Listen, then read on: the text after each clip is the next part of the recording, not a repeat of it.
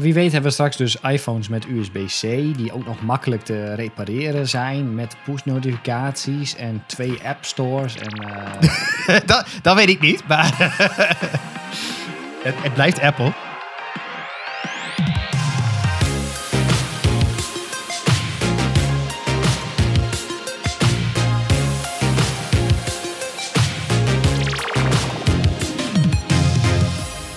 Welkom bij de Pixel Paranoid podcast. Mijn naam is Mikelle en samen met mijn co Rick gaan we alles behandelen rondom UX, UI en frontend development.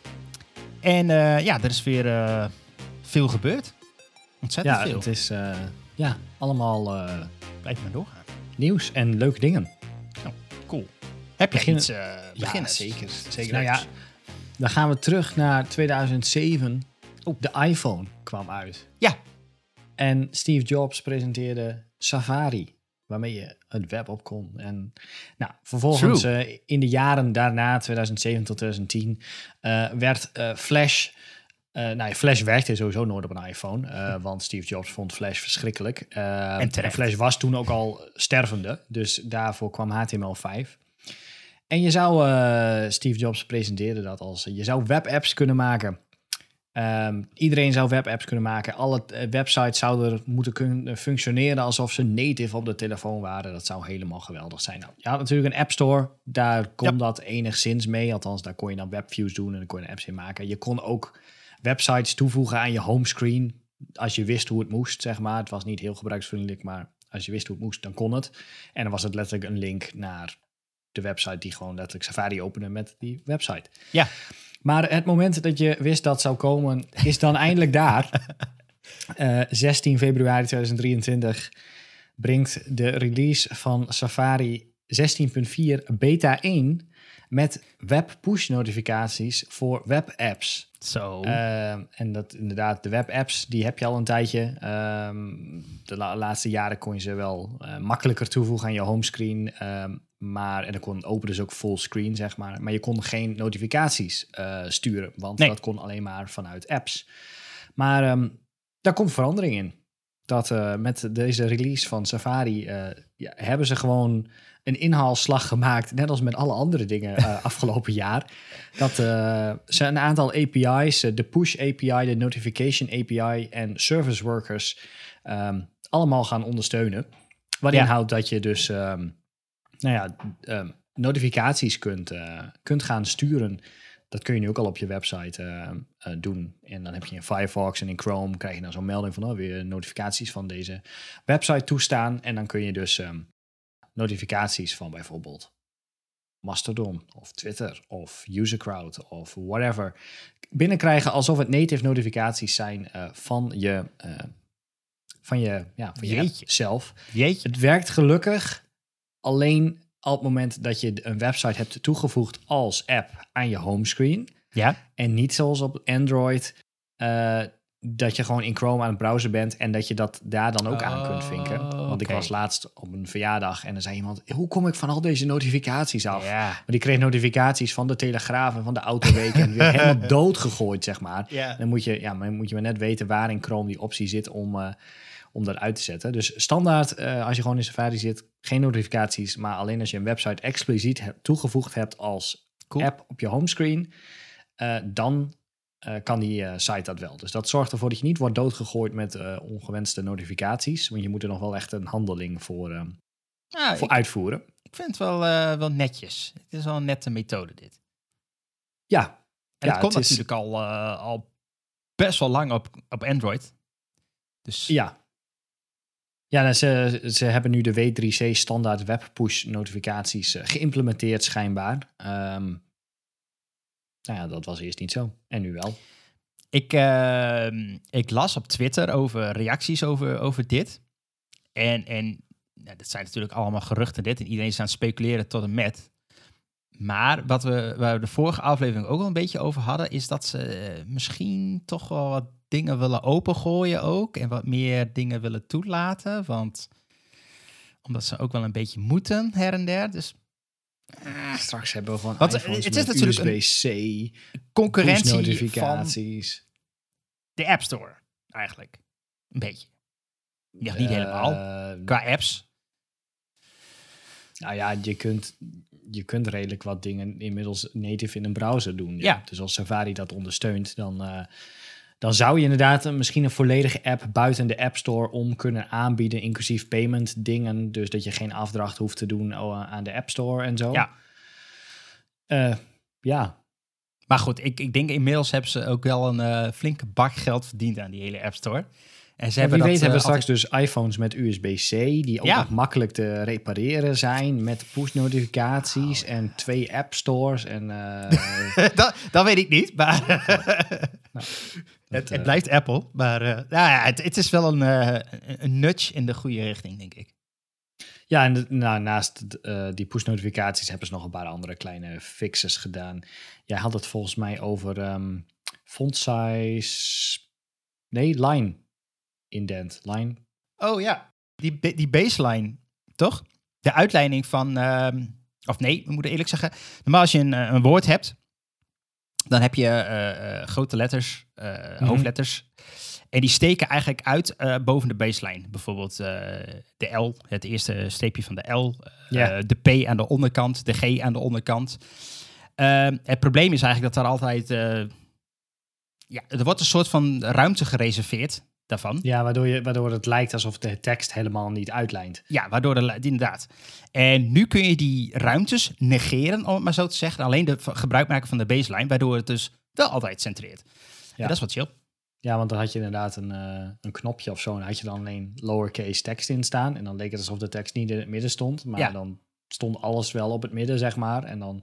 Maar als je, Nou, als je het ook inspecteerde, dan zag je ook een beetje space boven de... Nou, Nou ja. Dat, eh, dat zit er ook in. Maar dat is allemaal Cool. niet zo heel Cool. spannend. Dus dat was mijn eh, aside. Apple is wel, wel goed bezig. Ziet je. Safa het Safari, Jen Simmons van Safari, die is, Die is goed bezig. die is goed bezig. Ja, eh, ehm, ehm, ik, ik, ik ben nogal een vervent tweakersbezoeker. En wat mij opviel is dat er sinds gisteren, eergisteren, eergisteren denk ik, ineens een nieuw design online staat. En eh, het, leuke aan, aan Twitters, eh, eh, of, twi- Twitter, tweakers, is dat er, eh, ze de community heel erg meenemen in, in dingen. En ik weet ook dat er dan wat, eh, het zijn wat eh, pro-gebruikers en die krijgen wat iets eerder access tot wat dingetjes en die, die zijn al bevraagd. En ze hebben een, eh, een, eh, blijkbaar een eye-tracking, eh, dus ze hebben best wel wat UX-research gedaan. Ehm, maar ik heb er een mening over. oh, ja. en ik was even benieuwd wat jouw mening was. ja, Eh, nou ja, ik, ik zag het. Ik, meestal lees ik mijn tweakers artikelen vanuit een Twitter of Mastodon feed. Want daar posten ze ook, ook eigenlijk Ja. bijna alles. Dus ik True. kom niet zo vaak, wel op het forum trouwens, op Pricewatch, maar niet heel Oh ja. vaak op de homepage. Maar toen jij het erover had, zag ik inderdaad dat ze, nou, dat is niks, niks echt geredesigned. Ze hebben eigenlijk alleen de kolommenindeling aangepast. Dat als je een breder scherm hebt, dat je gewoon nog meer kolommen hebt, waar ze nog meer eh, Ja. links naar dingen in kwijt eh, kunnen. Ehm, waardoor het, nou, het was al een, ik wil niet zeggen dat het een oud design was, maar het was gewoon net als oude Reddit. Het was gewoon compact, het werkte, Ja. je wist waar het stond, het was niet overwhelming. En nu is het, ja, nu heb je nog, nog een kolom met nog meer dingen erbij, zeg maar. Ja, en ik vind dus, dus eh, eh, ik moet wel zeggen, ik heb nu toevallig, eh, nu we de podcast opnemen, heb ik mijn scherm op, op de helft staan. Dus dan zie ik die derde kolom niet. Dan, dan staat het eigenlijk verwerkt. Tussen de nieuwsartikelen staan, zeg maar, een soort van uitgelichte artikelen. Ja, En die uitgerichte artikelen, als je meer ruimte hebt, dan staan ze in een tweede kolom. En ik vind die layout eigenlijk, ik vind hem niet nice. Is- ze hebben een soort van eh, eh, ja, mobile first-achtig design toegepast, denk ik. En dat zeg maar Ja, uitgebreid en uitgebreid. Alleen ik vind die uitbreiding erop niet zo heel, heel sterk. Nou las ik ook zeg maar dat de grootste reden om dit alvast live te zetten en, en wat ze allemaal op de achtergrond gedaan is dat de hele frontend gewoon verouderd was. Die hebben ze helemaal vernieuwd. Maar ze hebben dus nog niet allerlei tweaks. En, en want dark mode komt er bijvoorbeeld nog aan. Die wil ik eigenlijk al heel lang. En er zijn echt tig mensen die ja dat is, dat is dark mode inderdaad- plugins hebben gemaakt. Ja, Of eh, extra CSS eh, sheets. Nou ja, dat was ook de eerste, de topreactie op dit hele stuk over... we hebben de homepage vernieuwd. En de eerste reactie was... ja, voor mensen die eh, toch terug willen naar de twee koloms dingen... hier is een stuk CSS-snippet wat je kunt toevoegen... en dan eh, verwijdert hij de derde kolom... en dan zet hij alles weer terug zoals het was. ja, ja. ja, inderdaad.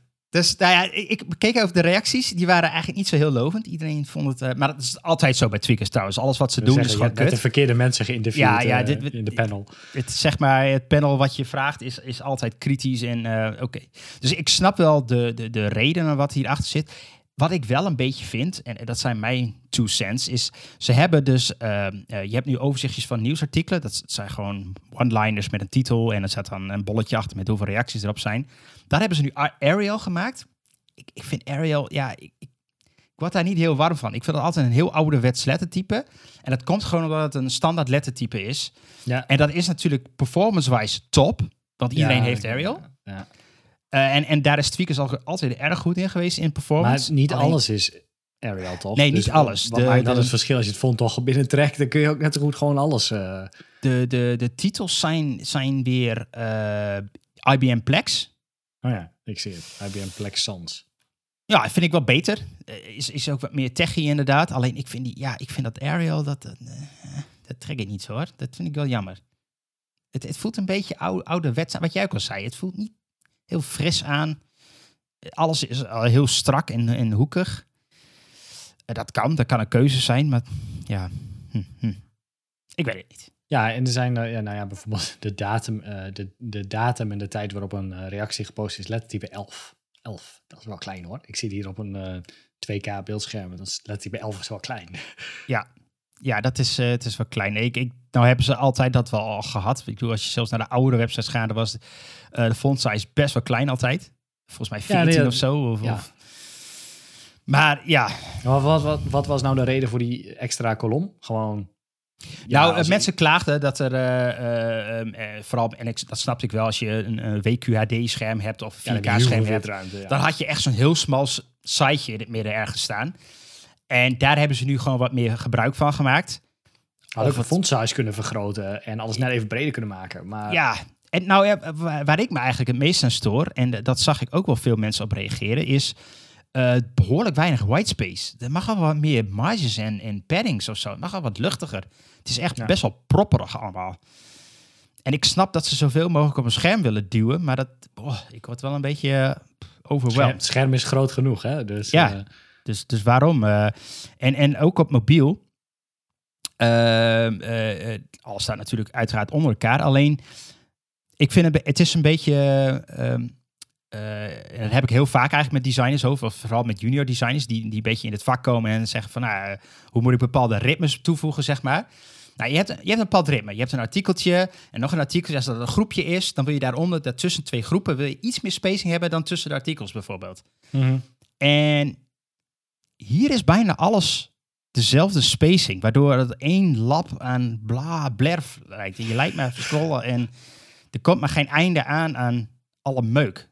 Dus je krijgt geen rustpauzes. Hm, ik weet het niet. I don't like it. Oké. Nou. ja, nee, ja, dat, eh, Dat is mijn rant. Ik ben het er wel, eh, kan, kan me daar wel in vinden. Dus eh, ik ben een van de andere zeikers waarschijnlijk. ik, heb, ik heb geen post gedaan, maar Check. ik ga het gewoon in een podcast afkraken. Ja, ja, precies. Nou ja, oh, ik zat dus op Tweakers. Niet via de homepage dus, maar gewoon via een, een tweet.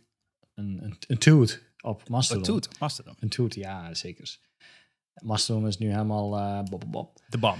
Eh, anyway, dat ging over dat de Europese Commissie in samenwerking met onder andere de Autoriteit voor de Consumentenmarkt onderzoek heeft gedaan naar dark patterns. Oké. En dat 40% van de onderzochte webwinkels gebruik maakt van dark patterns. Zo.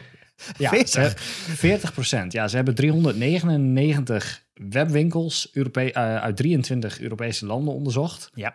En daaruit blijkt dus dat 40%, eh 148 van de 399, eh, gebruik maakt van eh, dark patterns, zoals het verstoppen van belangrijke informatie, zoals bestelkosten, samenstellen van producten of, eh, of de beschikbaarheid van een goedkoper alternatief, eh, zeg maar, aanbieden. Ehm, dus even kijken of door middel van taalgebruik of visueel ontwerp ehm, ja, dingen hiden, aanpassen, verleiden tot het maken van een Ja. andere keuze. Ehm, En eens even kijken, de Autoriteit Consument en Markt die had een interview gedaan. Dat staat niet op Tweakers, maar die staat op nu.nl. Uh, met ook een stukje van een hoogleraar consumentenrecht van de Rijksuniversiteit Groningen. Uh, dat was wel, is wel een leuk, leuk artikel. Maar uh, waar het op neerkomt is dat uh, je wel mag, um, even kijken, je mag wel verleiden, maar niet misleiden. Oké. Okay. Um, nou, dark patterns voor mensen die luisteren en niet weten wat het zijn. Dark patterns zijn van die dingen op websites waardoor je um, nou, bijvoorbeeld zo'n vinkje van wil je je aanmelden voor de nieuwsbrief? En dan is het niet wil je aanmelden voor de nieuwsbrief, maar wil je je niet aanmelden voor ja, de ja. nieuwsbrief? En die dubbele ontkenningen en zo. Ja, precies. Allemaal van dat soort uh, dingen. En dus inderdaad um, bestelkosten uh, verstoppen of... Uh, Stel je wilt opzeggen, maar dan moet je per se bellen. Weet je, of het wordt heel moeilijk gemaakt om te bellen. En terwijl je uh, aangemeld hebt online, zeg maar, moet je niet ja, weer extra moeite doen. Ja, HelloFresh is daar ook wel een koning in trouwens. Wel, want wij zeggen ons HelloFresh dus van tijd tot tijd op. En inmiddels weet ik waar ik op moet klikken. Maar Ja. dan staat er van, ja, wil je wel echt opzeggen? Dan ben je al je korting kwijt. En alles ben je allemaal kwijt. Denk je, ja, ik wil echt door. En dan kom je eerst nog in een soort agenda dat je kunt pauzeren en niet opzeggen. En dan onderaan staat een heel klein, nee, ik wil wel alsnog echt opzeggen. En dan klik je daarop. En dan staat Ja. er, je account is nu gepauzeerd, niet opgezegd. Maar hij is wel opgezegd. En dan staat er onderaan, is, is staat er gewoon een normale knop met, ik wil niet opzeggen. en, en, en dan staat er linksbovenin staat een heel klein knopje terug. Dus ik klik dan gewoon standaard van, oh, klik niet opzeggen. En dan ben je dus weer actief. Oh, dat is echt een kutstreek. Nou goed, dat zijn dus dark patterns. Ja, Uh, Amazon had dat ook een hele tijd. Uh, een paar jaar geleden, uh, voordat de Europese Unie daar een keer iemand op de vingers heeft getikt, duurde het. Eens even kijken. Als je Amazon Prime abonnement wilde opzeggen, dan moest je volgens mij door 42 stappen uh, heen klikken voordat je daar kwam. Moest je via de footer en nou, bla bla. Nou, inmiddels moet dat dus binnen twee of drie klikken moet je je abonnement kunnen beëindigen. Nou, dat hebben ze uh, dus nu ook gedaan als je Amazon Prime opzegt. Weliswaar nog steeds met uh, rode tekstjes die eigenlijk goed zijn en groene tekstjes die dan dus eigenlijk weer nou, je abonnement weer aanzetten.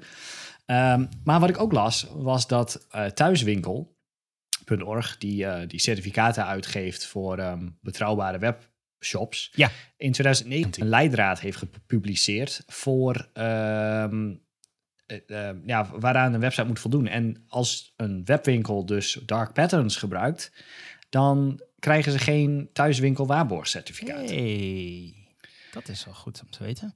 Precies, uh, omdat zij dat oneerlijke handelspraktijken vinden. Oké. Okay. Um, nou ja, uh, en in de Nederlandse reclamecode uh, staat dat misleidende handelspraktijken zijn verboden. En nou, zij zijn het daarmee eens. Dus je krijgt geen thuiswinkel waarborgcertificaat als jouw webshop gebruik maakt van uh, van maar, dark patterns. Jij gaf aan, uh, de Europese Commissie heeft uh, onderzoek gedaan. Mm -hmm. Was daar nog een bepaalde reden voor? Of, of wilden ze die, die webshops op hun vingers stikken? Of is dit om regelgeving aan te scherpen?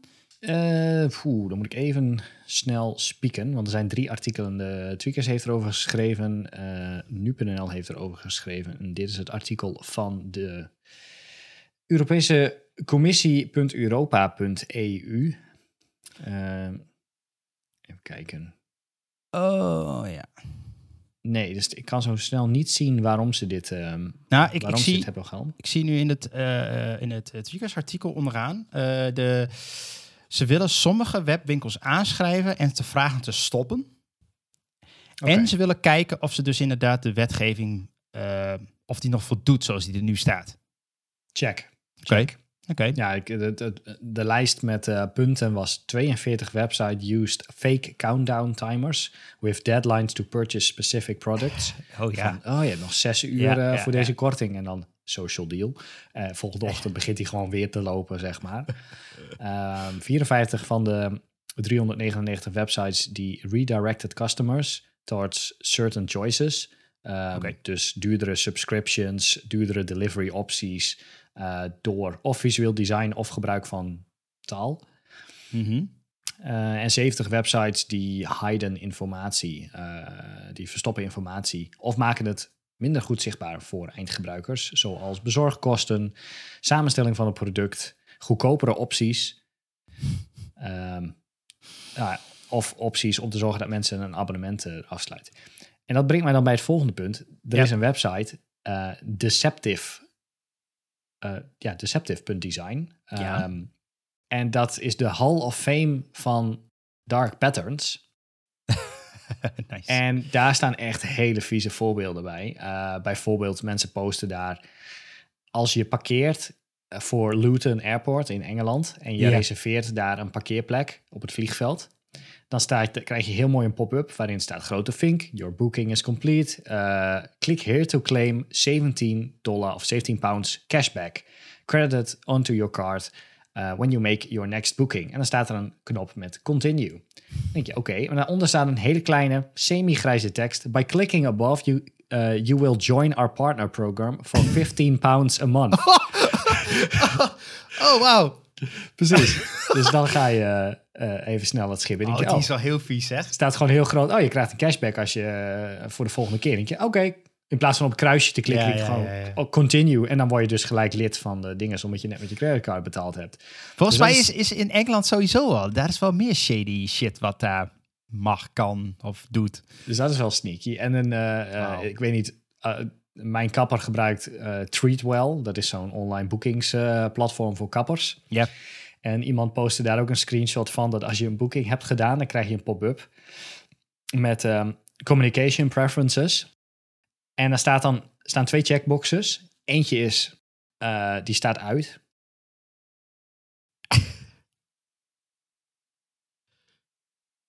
nou, als je die eerste zin leest, dan denk je, nou, dat moet ik aanvinken. Treatwell will only send you exclusive deals and relevant marketing. Wat? Precies. Dus dat is ook weer zo'n dubbel ding. Van je, als je hem dus aanvinkt, dat je nee, ik wil geen spam ontvangen. Dan sturen we je wel gewoon normale Ja. e-mails. Wat? Nou, dat soort, eh, dat soort dark patterns, dat, Hè? dat mag niet. Ik, ik, zie- ik, ik, heb die, ik heb dat plaatje nu ook open, maar dat, dat ding is gewoon echt nasty. Precies. You can opt out of receiving this at any time at your account says directly from the marketing notification. Dus je klikt er aan, ik wil geen spam. Dan druk je proceed, krijg je spam, maar dan moet je je daarvan afmelden. En, en dat moet dan via je account settings. Oh, dit is echt smerig. Precies. Lekker. Maar, eh, ja, dark patterns. Dus eh, ze hebben er onderzoek naar Holy gedaan. moly, die website staat helemaal vol met I know. dark I know. patterns. It just keeps going. Wauw. Oké, dat is wel leuk. Dat is wel leuk om eh, doorheen te lezen. Wel grappig dat ze ook eh, categorieën hebben gemaakt, zodat je direct even op de grote uh, jongens kan zoeken. Ja, Die precies, van ja. Google, Facebook, Amazon, LinkedIn, Microsoft, Apple. Nice. Everything else. Ja, de, de, de tick this box if you don't want to receive marketing messages. Ik weet dat, eh, nou ja, we hebben het al een keer eerder in de aflevering over gehad. Adobe was ook zo'n eh, zo'n hele goede speler met dark patterns. Die zit ook helemaal vol als je dat abonnement wil opzeggen. Dat is echt heel nasty hoe dat werkt. Eh, ja. Ja. bijzonder dit. Oké, Nou. maar cool. Wel tof dat eh, de Europese Unie daarmee bezig is. Ja, en de thuisbor- thuiswinkel waarborgcertificaat. ik wist, Dus, eh, maar ook al lang dus hebben zij dat. Nou ja, ze hebben die leidraad dus gepubliceerd. En ehm, voor de, ja, daarin staat dus dat als je website dark patterns gebruikt, dat je dan niet eh, dat certificaat krijgt. Dus als dat eh, ook wordt ge- geforceerd en gecontroleerd, dan kun je ervan uitgaan als ergens zo'n logootje in de footer, header of ergens anders staat, dat je eh, niet ehm ligt. Gescand Coolblue wordt. doet het in ieder geval niet, want ik heb eh, van de week nog een eh, airfryer gekocht en toen wilde ik een nieuwe kopen en toen stond er boven de koopknop, je kunt ook dit tweede kansje kopen, daarvan is alleen de doos beschadigd. Scheelt 30 euro. Oké, doe die maar dan. Dat is wel netjes.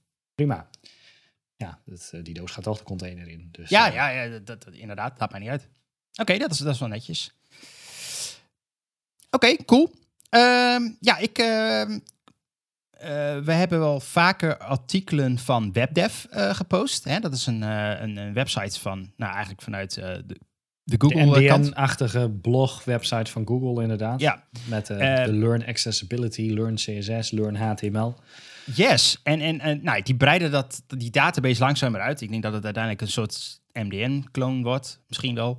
Met alles erop en eraan. Oeh, heb ik nog Eh, een haker op zo. En uh, wat zij recent hebben toegevoegd is uh, alles wat je wil weer leren over images. En dat vond ik eigenlijk best wel een coole. Het is echt heel uitgebreid. En dan moet je denken aan, ehm, nou ja, eerst beginnen ze met waar moet je letten met performance. Dus wat voor key issues zijn er rondom performance en images? Ehm, en dan geven ze ook tips van wat je zou kunnen toevoegen. Nou, dan moet je bijvoorbeeld denken dat je de loading attribuut lazy kan toevoegen. Mhm. Dat betekent eigenlijk dat als jij op een pagina komt en uh, nou, dus je hebt allemaal plaatjes op die pagina staan, maar je ziet dat nog niet in je scherm bijvoorbeeld, dan worden die ook nog niet ingeladen. Pas als jij op die locatie bent, dan worden die plaatjes opgehaald. Nou, dat scheelt een aardig aantal requests. Dat scheelt heel veel. maar je moet er niet helemaal wild mee gaan door dat dan maar op alles te zetten. Nee. Uh, want dan, dan komt het weer niet goed. Maar alles wat enigszins onder de fold zit, ja. Ja, precies. Um, en uh, ze leggen ook een beetje uit waarom dat nou zo handig is. En dan hebben ze het eigenlijk over, over twee dingen. En uh, op basis daarvan wordt ook vaak uh, de, de lightspeed check gedaan, zeg maar, de page speed check. En dat een van de meetindicators is de Cumulative Layout Shift, of CLS. Mm -hmm. En wat houdt dat nou eigenlijk in? Dat als jij een pagina laat, en nou, mensen herkennen dat wel. Als dan een beetje langzaam laat, dan zie je allerlei dingen verschuiven en doen. En hoe meer dat verschuift, hoe lelijker het eigenlijk is. Want dat wil je niet. Maar stel, je was net op het punt om op een knopje te klikken en die wordt in één keer naar beneden geflikkerd omdat er een plaatje wordt ingeladen. Ja, dan ben jij die klik kwijt. Dan klik je misschien ergens anders per ongeluk op. En dat wil je niet. Nou, uh, Google meet dat. En die indexeert jouw website er ook. En dan geeft je een score, et cetera. En um, nou, dat zijn dus manieren om dat te cancelen. Bijvoorbeeld door een, alvast een breedte en hoogte mee te geven aan een plaatje. Dan wordt er een soort van ruimte gereserveerd, ook al is het plaatje er niet. Maar dan heb je wel in ieder geval die ruimte. En verandert je website dus niet helemaal als, er als ingeladen wordt. Is ook, is ook een van de punten die in die, uh, als je je website wilt testen op snelheid uh, in Lighthouse, uh, die heel veel terugkomt, dat afbeeldingen, ook al is het maar een logo, zeg maar. Ja. En je kunt wel de hoogte en breedte met CSS zetten, alleen op het moment dat je CSS langzaam is of er niet is, dan weet je browser bij het eigenlijk tekenen van de pagina niet hoe groot de ruimte is die je moet reserveren voor al die uh, plekken. Vandaar dat je soms wel eens misschien op een website zit en dan weer op een knop klikken en dan opeens schiet hij net naar beneden omdat er daarboven opeens een veel grotere afbeelding wordt ingeladen. Um, nou ja, dat is inderdaad waarom je op alle afbeeldingen hoogtes en breedtes uh, uh, moet zetten. ook al overrule je ze trouwens met CSS. Dus ja, ja, dat is waar. je kunt gewoon hoogtes en breedtes erop zetten, ook al is het een afbeelding uit een CMS waarvan je misschien niet weet hoe hoog of breed die precies is. Zet er in ieder geval iets op. Uh, ook al ga je met CSS hem vervolgens op een andere hoogte of breedte, whatever, zetten. Ja, en wat wel grappig is, uh, en, en ik, uh, ik, nou ja, als, je, als je al lang aan het frontend bent, dan weet je dat dat voorheen is het, was het trouwens niet zo. Als je wel die, die breedte en die hoogte erop zet, dan werd je plaatje ook daadwerkelijk die die size. Alleen dat is, hebben ze dus in 2019 dus blijkbaar aangepast. Ik wist niet exact wanneer dat was. Maar oh, 2019. Dat, dat staat in het artikel, ja. Dat is dus, uh, wel, wel cool dat ze dat aangeven. Dat CSS uh, eh, hogere prio heeft uh, voor het renderen dan de height en... Ja, want inderdaad, anders dan... Oh, dus waarom doet het met CSS niet? Oh, er staat een hoogte en breedte op de afbeelding. Maar dat is dus inderdaad... ja, dat hebben ze gefixt. Ehm, dus, dus dat gaat dus over die uh, cumulative layout shift, dus die CLS. En dan heb je dus een andere indicator uh, waar ze ook op testen. En dat noemen ze de largest contentful paint. En uh, ik, ik, vond het altijd een beetje een, een, een vaag begrip. Uh, maar ik denk het makkelijkste om uit te leggen is, is dat zij checken van hoe lang duurt het voordat het grootste zichtbare element die op de pagina staat te renderen. Mm -hmm. want die heeft namelijk nogal dat bepaalt namelijk hoe de pagina eruit ziet. Uh, dat bepaalt de hele ja, user experience noemen zij dat, van die pagina. Uh, omdat dat het grootste element is.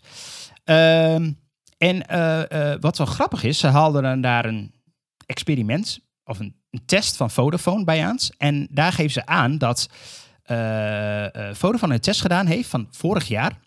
En daar hebben ze op de LCP gecheckt, dus die, die Largest mm -hmm. Contentful Paint, hebben ze proberen te fixen.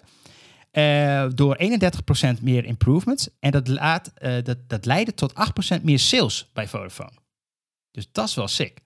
Ja, dat, ja, want dat, ja, zelf merk ik er niet altijd direct wat van. Natuurlijk, je hebt over die website, jee, want dit duurt echt veel te lang. Mm -hmm. Ik haak af.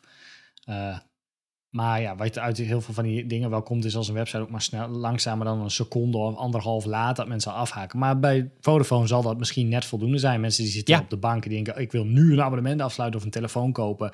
En dan zal die website maar net lang, te langzaam laden. Mensen denken, nou weet je, oh, oh, mijn film gaat alweer verder. Eh, laat me zitten. Ja. En dat kost je geld. Dan, Nou, nou, ja. nou is het al die kleine dingetjes bij, bij een website wat zoveel volume trekt, want Vodafone zal ontzettend veel volume trekken. eh, eh, ja, dat, dat, dat heeft natuurlijk best impact. Maar wat ook wel grappig is, dus, dus 8% meer sales. eh, maar eh, van een totaal aantal gebruikers die op de website kwamen, vonden 15% daarvan. even kijken, die. be- Oh, die, die, kwamen daadwer- die werden daadwerkelijk van bezoekers, werden ze customers, zeg maar. Dus 15% meer improvement ten opzichte van voordat ze die LCP hadden gefixt. Dat zijn best wel stevige cijfers om mee aan de slag te gaan dus. Ehm, ehm, en dat heeft dus alles mee te maken eh, eh, van, van wat voor type plaatjes eh, laat je nou eigenlijk in. En dat is eigenlijk de volgende stap. Mhm. Want ze gaan dus eerst uitleggen van hey, welke indicatoren meten we nou op. En dan hebben we natuurlijk eigenlijk twee typen plaatjes. Dat zijn namelijk vectorplaatjes en gerasteriseerde plaatjes. Nou, bij vector is een heel bekende natuurlijk SVG. Ja. Hè, dat, dat is eigenlijk gewoon code die gerenderd wordt naar een plaatje, tussen aanhalingstekens. En we hebben er natuurlijk een hele zooi rest-write images. Nou, die gaan ze allemaal bij langs. Eh, dus eh, moet je denken aan JPEG, GIF, eh, WebP, AVIF, et cetera. Ehm, ze gaan daar ook helemaal op uit hoe die technieken werken. Als je dat leuk vindt om te weten hoe dat precies werkt. Dus wat JPEG doet ten opzichte van WebP bijvoorbeeld. Ja, nou, ja, ja, dat is wel interessant. Ehm, en eh, een ander hoofdstuk wat ze gaan eh, bepalen is eh, responsive images. En dat is natuurlijk wel heel erg interessant. En ehm, Is dat stukje over, want ik zit toevallig net daar doorheen te scrollen, is dat stukje van responsive images, is dat onderdeel van Learn Images? Of is het, want ze hebben een Learn Images en ze hebben een Learn Responsive Images course. Het zijn twee verschillende, ja, ehm, dit, dit, dit alles valt onder Learn Images. En daar hebben, ze, hebben ze een, aantal hoofdstukken, zeg maar. Eh, dus ik, eh, eh, net hadden we het over performance bijvoorbeeld. En nu beginnen ze dus over image formats en compression. Dus welke Oh, compressie je kunt toepassen. En dan is een volgende hoofdstuk responsive. En in de responsive gaan ze dus eigenlijk uit van hey, wat, wat kunnen we nou allemaal doen om, om images te beïnvloeden in welke worden geladen. En dan kun je allerlei keuzes maken. Je kunt eh, keuzes maken op basis van viewport size. Je kunt maar keuzes maken op basis van display density. Dus hoeveel pixels heb jij in je scherm zitten? En hoe meer pixels, hoe scherper je plaatjes eigenlijk moeten zijn. Eh, nou, dan heb je nog gebruikersvoorkeuren. Eh, je hebt ook nog de gebruikers hun bandbreedte. Dus misschien de ene zit op 2G, de andere zit op een dikke glasvezellijn. Nou, en op basis van al die indicatoren kun jij kiezen ja, welk plaatje je eigenlijk moet laten zien. Nou, daar hebben ze een aantal tools voor. En de belangrijkste daarvan is, is binnen, eh, of, of- een aantal tools die je kunt definiëren binnen de source set eh, property. Dus binnen source set kun je aangeven van, hey, ik wil plaatjes eh, op bepaalde viewport breedte. Ik wil plaatjes op, bijvoorbeeld op zoveel dpi wil ik een, een bepaald plaatje tonen. Op breedtes, op sizes, op breakpoints. Er zijn van allerlei mechanismes in responsive images of in source sets om aan te geven welk plaatje in welke. Ja, ik vind die, ik vind die syntax nog wel, ik, eh, toevallig... Ja, het is pittig. Nou, pittig, het is niet zozeer pittig, het is alleen vreemd. Eh, Hm, en dat ja. zeggen ze zelf er ook bij trouwens, van het is een beetje raar dat je media queries in HTML moet gaan doen. Eh, Ja. Even voor je beeld, ehm, je hebt een image tag en die heeft een source attribuut. Nou, normaal klap je daar je afbeelding in en dat is een afbeelding, weet ik veel, voor een header of zo. Nee, voor een nieuwsbericht, weet ik veel. En die is 1600 pixels breed, die afbeelding die, die je daarin zet. Mhm. Ehm, maar dat nieuwsbericht die wordt maar op, geen idee, 400 pixels breed getoond. Dus dat is natuurlijk, dan laat je een enorme afbeelding in eh, die helemaal niet daar nodig is. Nou, dan kun je met, met ehm, inderdaad source sets, dus je hebt een image tag en die heeft een source, maar je kunt ook een source set aan meegeven. Dan kun je meerdere afbeeldingen aan meegeven. Bijvoorbeeld eentje van 400 breed, eentje van 800 breed en eentje van 1200 breed. Ja. Op het moment dat ehm, jouw eh, scherm zo- op zo'n resolutie is dat je, dat je bijvoorbeeld je nieuwsberichten niet drie naast elkaar hebt staan, maar twee of één op mobiel. Ehm, of op een andere wijze. En die afbeelding is niet, wordt, of het eh, nieuwsbericht wordt wel breed gelaten, dan kan hij bijvoorbeeld een afbeelding kiezen die 800 breed is. Ja, die groter is bijvoorbeeld. Die Ja. groter is. Maar hetzelfde geldt ook, en dat is een waar het een beetje vreemd wordt. eh, je had het net over pixel density. Eh, op het moment dat je die, a- dat nieuwsbericht op 400 pixels breed toont en jij zet daar een afbeelding in, of je geeft hem een source set mee van 400, 800 en 1200, ehm, dan is het zo dat hij op een single DPI-scherm 400 pixels inlaat. Laat hij op jouw MacBook, laat hij daar 800 pixels image in. Ja. En als je een 4K beeldscherm hebt of een ander ho- hoog DPI-scherm, dan laat hij dus eigenlijk de 1200 pixel image in op het plekje van de 400 pixels. Omdat Ja. je drie pixels op de plek van één hebt en dus een drie keer zo grote afbeelding toont of wil hebben op de plek van die 400. En daar wordt het een beetje confusing, want ehm, zowel Chrome als Firefox laten wel zien welke source sets er zijn en laten ook wel zien welke die rendert. Alleen dat doet hij niet live, zeg maar. Dus als hij laat, dan kun je zeggen, Ja. van, oh, hij heeft nu deze geladen. Maar ga je lekker met je beeldscherm heen en weer slepen, dan update hij die waarde niet meer. Dus je moet iedere keer op een kleinere resolutie zetten en vijven en dan zeggen, oh, nu laat hij deze Ja, versie ja. Klopt. En je moet ehm, daarnaast zou je dus ook nog inderdaad ehm, de source set kunnen meegeven. Maar je hebt ook nog de sizes attribuut. Ja. En daarmee kun je aangeven hoe breed die afbeelding op welke resolutie gerenderd wordt. En dan wordt het wel een beetje confusing. Dan moet je met pen en papier gaan kijken van oké, eh, waarschijnlijk wordt die gerenderd op deze resolutie op 400 pixels en op deze resolutie op 800 pixels. En op eh, een nog grotere resolutie weer kleiner. Dat is het probleem wat ik meestal, eh, meestal heb. Ja, zij, zij, zij omschrijven de, de, het verschil tussen die, die source set en die sizes. Is, eh, ze zeggen bij source set allows to provide the browser with a list of potential sources Ja. eh, om, om een image te kiezen. While sizes eh, allows you to provide the browser with information about how that image will be rendered. Ja. En dat zijn inderdaad zijn de, de twee manieren om het, om het te bekijken, zeg maar. En eh, eh, dan hebben ze, eh, eh, ja, zij noemen dat descriptive syntaxes. Dat is dus de image met source set en de sizes. Mhm. Dan heb je ook nog een prescriptive syntax. Eh, en dan hebben we het over bijvoorbeeld de picture element. Ja, Eh, daarmee, kun je, daarmee kun je twee totaal verschillende afbeeldingen op verschillende resoluties tonen. En dat is op zich wel handig. Ja, kwamen ja, wij true. laatst achter. Als je inderdaad eh, op mobiel een portrait afbeelding wil tonen, of een uitsnede van een portrait afbeelding, maar je wil op desktop een landscape uitsnijden van een afbeelding, of je wil misschien, om het makkelijk te maken, een compleet andere afbeelding laten zien. Dat je op mobiel een, een rood vierkant wil laten zien, maar op desktop een blauwe cirkel. Ja. Dan kun je dus twee totaal verschillende afbeeldingen meegeven. En dan kan hij op basis van nou, hoe breed die gerenderd wordt, een van de twee kiezen. Ja. En als je dan helemaal doorslaat, dan kun je daar dus nog weer je sizes en je source sets aan meegeven. Eh, want dan kan je ook nog kiezen of JPEGs, WebP's, welke sizes, hoeveel DPI. En dan, Ja. dan ben je een middag verder. Ja, nee, maar eh, dus, dus eh, precies wat je zegt. Er zijn dus ontzettend veel tools om, om in al die situaties eigenlijk het juiste plaatje naar voren te schuiven. Dus nou, dat is mooi dat we die gekregen hebben. Ze leggen dat- dat ook best wel ja, uitgebreid uit allemaal.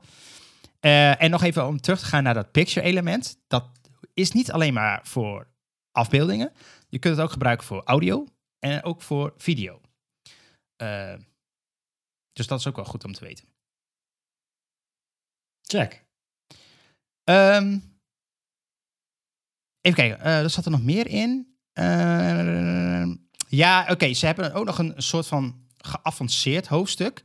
Dat noemen ze High Performance Image Workflows. En dat gaat eigenlijk over hoe kun je automatiseren dat bijvoorbeeld plaatjes automatisch gecompressed worden. Bijvoorbeeld als je een CMS gebruikt of je gebruikt eh, iets als Gulp of Webpack of wat dan ook. En dat kun je door een. Ik zie Image Min, Image Magic. ja, precies. Die kun je Ja. daar doorheen eh, gooien om de plaatjes dus eh, kleiner te maken of van eh, JPEG naar eh AVIF te converteren of allerlei. En nou, daar gaan ze ook wat op in, wat voor tools je daar allemaal voor kunt gebruiken. Met wat codevoorbeelden, bijvoorbeeld in Gulp en zo. Dus dat is best wel, eh, ja, best wel cool. Eh, Ja, het, het zorgt in ieder geval voor dat je niet onnodig grote afbeeldingen inlaat. Iedereen scherpe afbeeldingen heeft. Eh, mensen die Ja. low data aan hebben staan, dat is trouwens CSS dan, dan alleen bepaalde low data of kleinere resolutie afbeeldingen te zien krijgen. Et cetera, et cetera. En dat, dat maakt Lighthouse blij. ja. Dus, en dan heb ik een bruggetje Go ahead. naar, naar Lighthouse. Lighthouse 10 namelijk. Eh, ik eh, zelf gebruik Firefox. eh, alleen af en toe kijk ik in Chrome eens naar de PageSpeed insights van een website. en dat runt op Lighthouse. Lighthouse is het test website test framework ding van Chrome om te checken op vier punten. Performance, accessibility, best practices en SEO van jouw website. Hoe je daarop scoort. Onder andere dus jouw eh, eh, largest contentful paint en eh, je layout shift, et cetera. Nou zijn er changes geweest in het scoring-algoritme in Lighthouse 10, die ervoor Kijk. zorgde dat zij de time to interactive, die momenteel meetelde voor eh 10%, eh, dat is hoe snel je website ehm, ja, eigenlijk bedienbaar was nadat Ja. die was geladen, die hebben ze eruit gehaald. Eh, omdat ze vinden dat, eh, de, dat dat niet meer heel relevant is omdat de eh, cumulative layout shift, de CLS, eh, dat die belangrijker is. Omdat dat vervelender is Ja. dan je time to interactive. Dus nou telt de CLS in totaal voor 25% mee. Oké. Ehm, ja, dat eigenlijk. Daar kwam het op neer.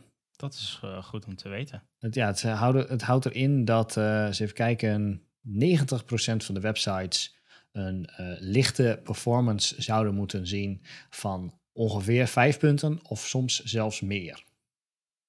Oké. Omdat CLS nu meer geprefereerd wordt dan ja, omdat websites... Time to Interact. Ja, inderdaad. Oké, oké. Dus ehm, Good to know. Mocht je daarmee bezighouden en je denkt, jemig, mijn website is opeens, scoort opeens hoger. Dat komt omdat ze de time to interactive eh, dus eh, eruit hebben gehaald. Hij is nog wel beschikbaar, maar hij telt niet meer mee in de, in de score. In de Tenzij je natuurlijk je, je hoe heet het, je CLS al, al ruk was. Als die al ruk dan, was, dan ga je achteruit. ga je achteruit. Ja. Ze zeggen dat over het algemeen de CLS beter is dan de time to interactive van veel websites. Dus, het maakt, wel- maakt wel sens natuurlijk, want Time to Interactive zegt natuurlijk minder over de gebruikerservaring die je hebt. Ja, ze zeggen hier, de, eh, time to interactive marks a point in time, uh, but the way it's defined makes it uh, overly sensitive to outlier network requests and long tasks. The largest contentful paint and speed index are usually better heuristics for a page content feeling loaded. than the count of active network requests. Want ehm, de time to interactive, die checkte dus hoeveel eh, network requ- requests er nog liepen voordat je, Ah, ja. nou, eigenlijk voordat alles was afgelopen en dan dus de website bedienbaar was. Terwijl Ja. een largest contentful paint en de speed index schijnbaar beter weergeven eh, of een website eh, geladen voelt en bruikbaar ja. is dan. eh, Ze noemen het eh, volgens mij ook eh, de, de, de, die, die, ehm, die CLS, dat noemen ze meer de perceived for performance, in plaats van de daadwerkelijke performance. Ja, precies, precies. Check. Nee, cool. Eh, Oké, dat, is, dat is wel positief. En dan gaan wij dingen aan de voeten. Ja, dan gaan we naar de voeten inderdaad. Ehm, ik, eh, ik, ik heb wel iets leuks. Ik heb weer een serie. Ja, Ah, het is eh, time of the year. Zeg het zei je? Zeg het eens. Ja, nou ja, ik, ik, moet wel eerlijk zeggen, ik heb vorige keer The Last of Us, daar ben ik nog een beetje blijven haken in aflevering 3 volgens mij. Dus daar ben ik nog niet verder mee, terwijl er wel meer zijn. Eh, maar Want- toen... want, eh, het is eh, toch niet, is toch niet zo Ja, nee, het, het- maar het is wel een, tijd. een, een investering, zeg maar. Het zijn afleveringen van een uur bijna, dus daar moet je wel even voor gaan zitten. Maar het is wel vet. Maar ik heb misschien een wat lichtere, wat, wat, wat fijnere serie om te kijken. En dat heet Shrinking. En dat is eh, van de maker Bill Ro- Lawrence. En die heeft vroeger ook Scrubs gemaakt, onder andere. Eh, maar ook eh, de serie Ted. Ehm, Oh, deze ken ik. Die stond op Apple TV. Die zag ik voorbij komen. Yes. En die is echt best wel leuk. Ik heb nu, ik ben er eigenlijk helemaal bij. Ik heb nu vijf afleveringen gezien. De afleveringen zijn ook veel korter dan Last of Us. Ik denk, nou wat zou het zijn? 25 minuten of zo, denk ik. 30 misschien, max. Oké. En eh, ja, het gaat over een, eh, een psychiater die ehm, eh, zijn vrouw is verloren. Eh, hij heeft een dochter. En je ziet eigenlijk een beetje zijn, zijn dagelijks leven, hoe hij daarmee omgaat. Of eigenlijk Ja. hoe hij er niet mee omgaat. En het, het, Harrison Ford speelt erin. Ik weet niet hoe ze dat voor elkaar hebben gehad. Maar hij zit erin. Hij is een van de hoofdrolspelers. En de hoofdrolspeler van de serie zelf is Jason, Segel. Segel, ja. En hij is onder andere van How I Met Your Mother. Ik denk, Ja. Marshall heet hij die daar. Mars. ja, ja, inderdaad. En eh, ja, hij speelt, hij, hij acteert eh, leuk. Eh, eigenlijk net zoals, denk ik wel, als in eh How I Met Your Maar Mother. waar gaat het? Het gaat over a grieving therapist starts to tell his clients exactly what he thinks, ignoring his Ja. training and ethics. Ja, klopt. Wat dus eh, de ethics gaan allemaal de deur uit en dat is best wel hilarisch. Eh, dus hij gaat ook gewoon, eh, eh, nou, hij neemt een beetje spoiler alert, maar hij neemt eh, een van zijn patiënten in huis bijvoorbeeld. Nou, dat moet je dus nooit doen, maar dat doet hij wel. Oké. En het levert wel echt allemaal hilarische situaties op. Het is echt, eh, ja, ik vind het wel leuk. Het heeft inderdaad wel een beetje van ehm, eh, Scrubs ook wel achtig af. Misschien ook wel een beetje de vibe van, van Ted. Ja, het is, wel, het is wel cool. Ik vind het wel leuk. Oké. Nou, dit, ik heb nog een, een lopend Apple TV trial abonnement, dus dan moet ik. En, en, andere kleine, ik ga er niet te lang op door. Eh, die hebben volgens mij ook al een keer in de podcast geroepen. Eh Clarkson's Farm, eh, seizoen 2 is uit. Ja, dan moet je gewoon kijken. is gewoon hilarisch. Ja, van Ik heb, Jeremy ik heb al Clarkson. ge- kapot gelachen, dus gewoon doen. Ja, dat is Jeremy Clarkson van Top Gear. Die heeft een heel groot boerderij in Engeland. En daar Ja. is hij... Hij is, hij is serieus boer geworden daar. En dat filmt Ja. hij samen Ja, met... serieus tussen haakjes. Serieus, hij laat denk ik andere mensen voornamelijk, maar hij verneukt voornamelijk heel veel. Ja, ja. Dat, wel eh, heel, heel leuk. ze proberen een restaurant te bouwen en een winkel te starten met eh, lokaal dat Daar zit hij dan wel weer legit in, maar ja. Ja. dat, Alright, mijn voeter is een, nou, waar jouw vorige week een werkgerelateerde voeter was, is mijne dit keer een werkgerelateerde voeter. Het is de browsers list. Ehm, bij menig wel bekend, maar als je ehm CSS, dan kun je met PostCSS Auto Prefixer kun je, eh, en ook een andere dingen, kun je op basis van ehm, een lijst aan browsers die je meegeeft, eh, bepaalde CSS-properties die nog niet eh, overal misschien beschikbaar zijn, laten prefixen zonder dat je zelf hoeft na te denken van, oh, is dit wel of niet beschikbaar? Moet ik daar een WebKit of Mozilla, als dat nog bestaat, of iets anders voor zetten? Of voor Internet Explorer 11, voor mensen die daar nog wat mee doen. Ehm, maar dan moet je altijd een lijst aan browsers meegeven. En Ja. dat is vaak latest free of defaults of weet ik veel, whatever. Maar wat zit er nou precies in de defaults of de latest free of et cetera, et cetera. Nou, daar is een website voor die heet, ehm, zeg ik heel mooi, eh, Browsers List Visualized. Ehm, en dan ben ik even op zoek naar wat de URL is. Ja, dat, dat is, dat- ik zag hem net. Dat is echt een hele vervelende... Eh, het is... Oh nee, is, nee, ik zie twee. Nou, browserlist.dev. browserlist.dev. Ja. Is het. En dan kun je ehm, ja, eigenlijk alle syntax intypen die je dus eh, aan je... Oh ja, browserlist. Browserslist.dev. Kun je Ja, alle syntax invullen die je eh, normaal in je browserslist config kunt meegeven. En dat kan dus alles zijn van last three versions, not dead, EA11, Safari 15. eh, meer dan een half procent gebruikt, meer dan een half procent gebruikt in Nederland. Eh, alleen mobiel, alleen Chrome, alleen, nou, whatever. Kun je allemaal invullen en dan rolt er heel mooi een desktop en een mobile lijstje uit met welke browsers dan worden gesupport. Dus als je een klant hebt op een opdracht en iemand zegt, goh, we willen die en die versies supporten minimaal, want dat staat in het eh, contract, dan kun je gewoon hier samen, eh, kun je hier eens, eh, je query samenstellen en dan, zodat je nou, alles hebt wat je nodig hebt en dan kun je dat kopiëren naar je browsers config. Ja, cool. En ze laten ook direct zien wat dan je coverage is, zeg maar, overal. Dat is wel eh, wat tof. Klopt. Visueel gezien, zeg maar, in een grafiekje. Dus eh, ja, handige website. Ja, dat, eh, en ze zeggen ook bij van dat je dus bepaalde dingen niet per se hoeft uit te sluiten, afhankelijk van ehm, schijnbaar Opera is echt de browser in continent Afrika. Gebruikt 85% van de mensen gebruikt Opera. Hmm. Eh, en zo zijn er nog een aantal eh, dingen waarvan je denkt van, god, die browser ken ik niet, die haal ik eruit. Nou, als dat voor jouw doelgroep natuurlijk helemaal niet relevant is, dan hoef je daar niks mee te doen.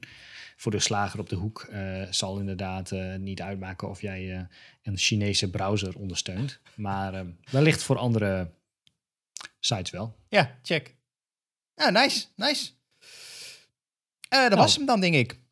Ehm, nou, eh, mocht je deze aflevering nou ergens eh, luisteren en je denkt van... hey, verrek, daar wil ik meer van weten. Dat kan. Je kunt ons overal bereiken. Eh, op Spotify, Google Podcast. Overal, overal, overal gewoon. Overal waar mij jouw favoriete podcast-app op zit. Waar internet is en je Ja. ons naam in kunt typen, zijn wij te vinden. Yes. Wil je nou eens een keer met ons meepraten? Of heb je nou tips of handige tricks? Dat kan. Ehm, dan zou ik zeggen, ga even naar Telegram. Eh, daar zijn we op te vinden. Zoek even naar Pixel Paranoia. Daar kun je met ons meekletsen. Dan krijg je ook soms wat eerder dingen te zien die wij in de afleveringen bespreken. Ehm, en mocht je ons eh, visueel willen zien, dan kan dat op YouTube. En eh, ja, als je gewoon een keer bij ons in de aflevering wilt, dat mag ook. Dan kun je naar Ja, Pixel zoals Paranoia fysiek wil zien, dat kan ook. Dan kun je gewoon in de aflevering komen, fysiek. Dat, Ja, mag. Iedereen is welkom. precies. mag. Ehm, een kleine tip voor mensen die het luisteren. Binnenkort krijgen we weer een gast. Zeker. Eh, wil ik nu zeggen tot de volgende keer maar weer. Doei. Hoi hoi.